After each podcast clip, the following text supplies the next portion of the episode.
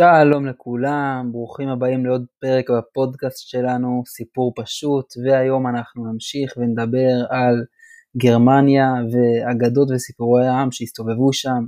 יהיה לנו היום מרואיין מפתיע, נעלה, נענה על שלל שאלות הגולשים ששלחו לנו. אה, כמובן נעסוק בסיפור הנפלא, אח קטן אחות קטנה, אבל לפני כל זה, פרסומת. הפרק משודר בחסות נובלה קדים לאחסון תבואה הקש את קוד הקופון סיפור פשוט וקבל 15% הנחה באתר כי לתבואה שלך מגיע יותר נובלה טוב, אז uh, כמו שכבר אמרתי, בפרק הזה נדבר על uh, אגדות עם, נתמקד uh, uh, בעצם בסיפור העם אח קטן אחות קטנה. מי שבמקרה לא מכיר את הסיפור, ממש בקצרה, מדובר בשני אחים קטנים שבעקבות אימא חורגת שמתנהגת כלפיהם באכזריות, הם בעצם נאלצים לברוח מהבית. במהלך המסע שלהם האח עובר תהליך של מטמורפוזה, כי הוא שותה ממים שהופכים אותו בעצם לחיה. בסופו של דבר ציידי המלך והמלך בעצם מוצאים אותם, מה שמביא אותם אל הארמון. גם שם האם החורגת אה, ממשיכה לרדוף אותם, אבל אה, כמו הרבה אגדות, יש לסיפור הזה סוף טוב, הם יוצאים כשידם על העליונה ועוד בבית המלך.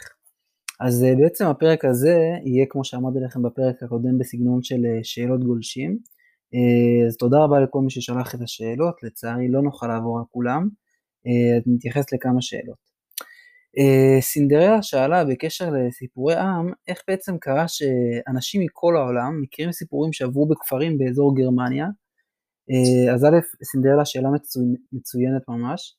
אה, באמת הסיפורי עם היום מאוד נפוצים, אז יש לזה בעצם שני סיבות. סיבה ראשונה, הדחיפה הראשונה לסיפורי העם נעשתה על ידי האחים גרים בגרמניה, שבעצם הם פרסמו קובץ אה, סיפורים שמלא בסיפורי עם. אה, סתם אה, נקודה מעניינת, הם בכלל היו פרופסורים למשפטים והמטרה שלהם לא הייתה מטרה ספרותית, הם בעצם ניסו פה להעלות את המורל של העם הגרמני ולראות איזה יצירות מסתובבות שם, בעצם מה שנקרא בתרבות הגרמנית, והם הוציאו קובץ סיפורים, הראשון כלל כ-200 סיפורים, והוא הפך ישר ללהיט ענק שהלך והתפרסם יותר ויותר בעוד מקומות בעולם. אבל uh, זאת לא הדחיפה היחידה שמצביעים עליה כמרכזית uh, לסיפורי העם, אפשר לומר שהדחיפה שבעצם uh, נעשתה לא מזמן ומאוד מאוד מרכזית, זה בעצם הדחיפה של אולפני וולט דיסני, שבעצם לוקחים כמעט 150-200 שנה אחר כך, לוקחים את אותם סיפורים ובעצם מעבדים אותם לסרטים מצוירים.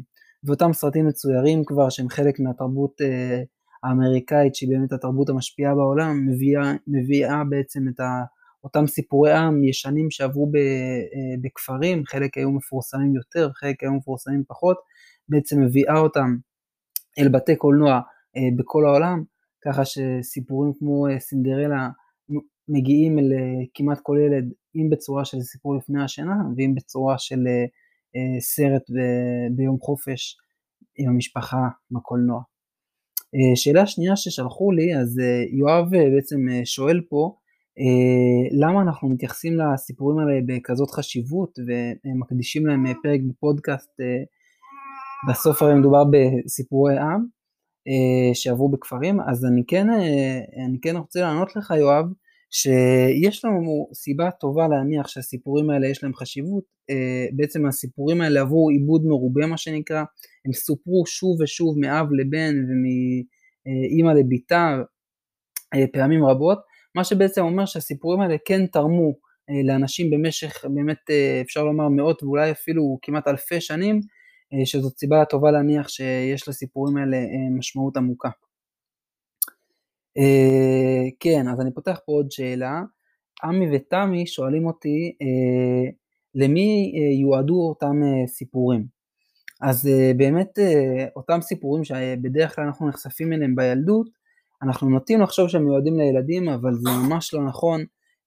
יש לנו כמה עדויות שגם אותם אחים גרים לא פרסמו את זה בשביל ילדים, יש גם מאמר של אדם בשם בטלהיים, שבעצם מניח את האצבע על החשיבות של הסיפורים האלה לכל אדם בכל, בכל שלב בחיים, כי הוא מוצא בעצם המון המון המון עיסוק בסיפורים האלה.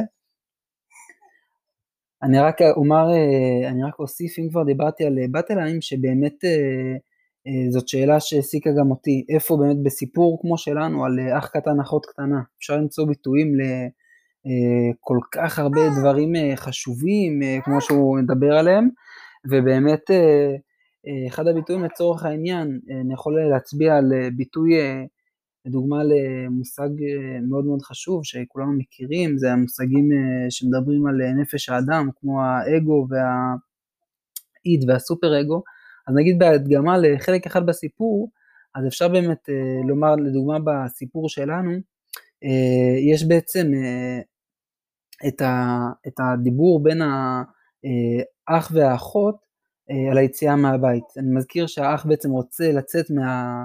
מהבית, מתי שהוא בעצם אה, אה, במטמורפוזה של חיה, הוא ממש רוצה לצאת החוצה, ואחות אה, לא נותנת לו. אז אם נפרק אותה מאח ואחות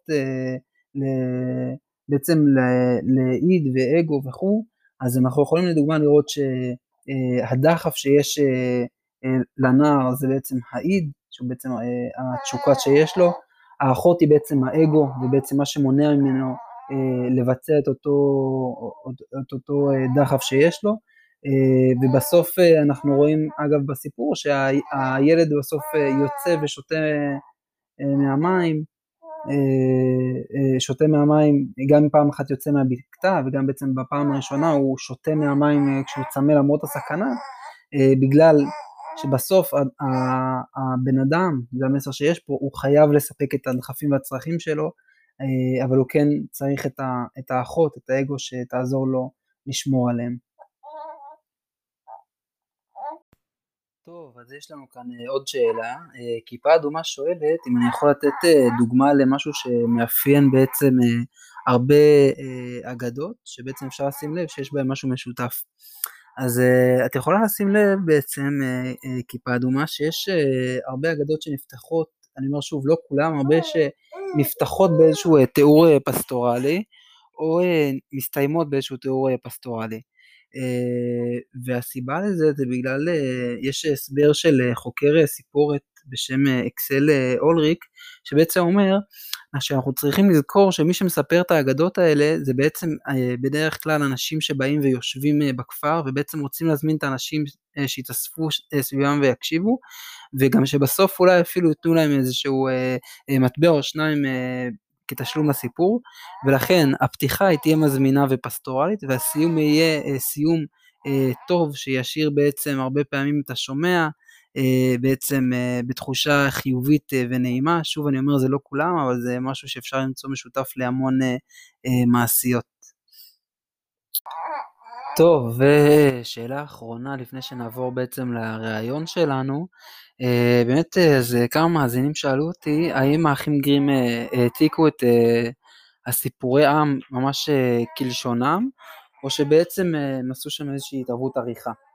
אז באמת אה, האחים גרים אמנם אה, שיווקו שהם אה, בעצם עשו פה משהו, עבודה מדויקת, אבל מסתבר שלא כך היה.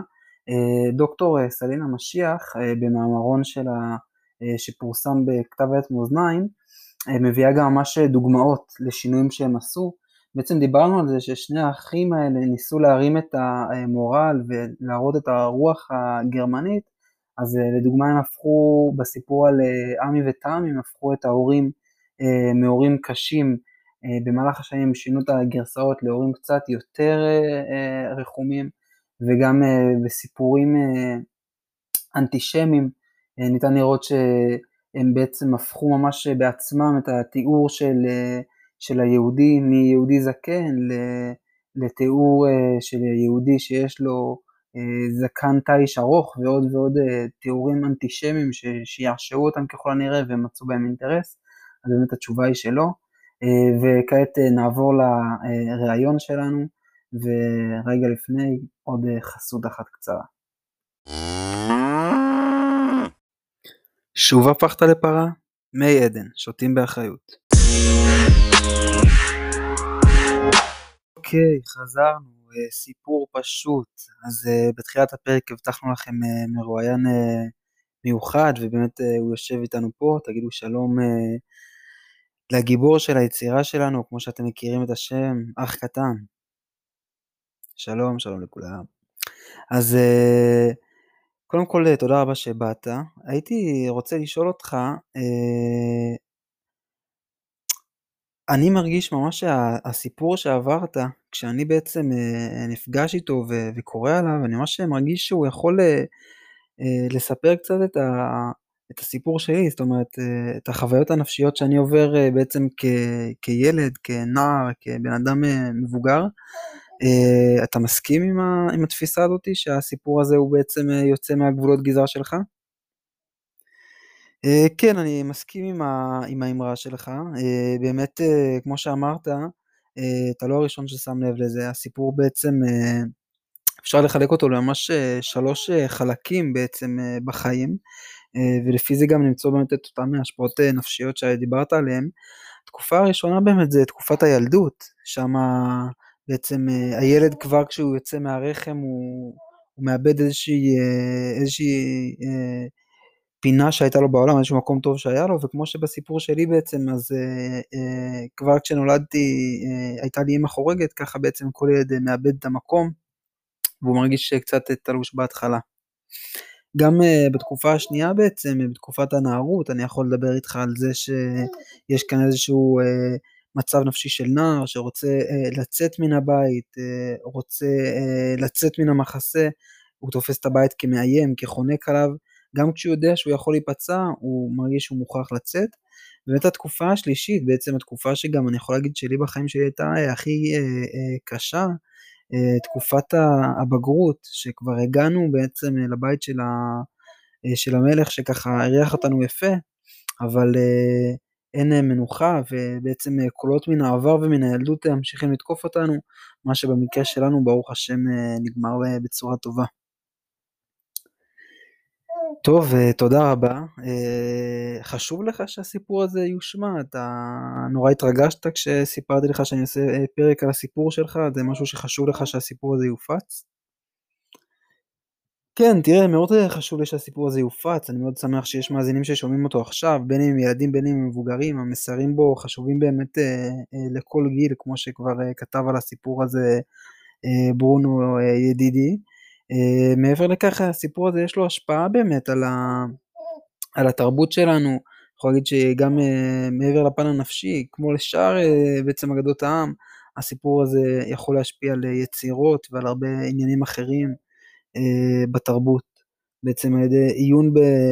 אה, סיפור שאומנם קרה לי לפני המון שנים, אבל אה, גם אה, חי ופעם בקבוצות קבוצות של מספרים במשך הכפרים שהתאחדו ומסביב למדורה שמעו את הסיפור הזה, ומה שעשה טוב לאבות אבותינו יעשה טוב גם לילדינו, בזה אני בטוח. טוב, תודה רבה שהקדשת את הזמן. בשמחה.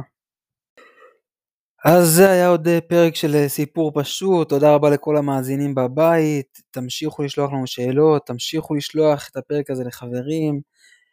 אני הייתי המספר, תודה תודה רבה לכם, ניפגש בשבוע הבא. שוב, תודה על ההקשבה.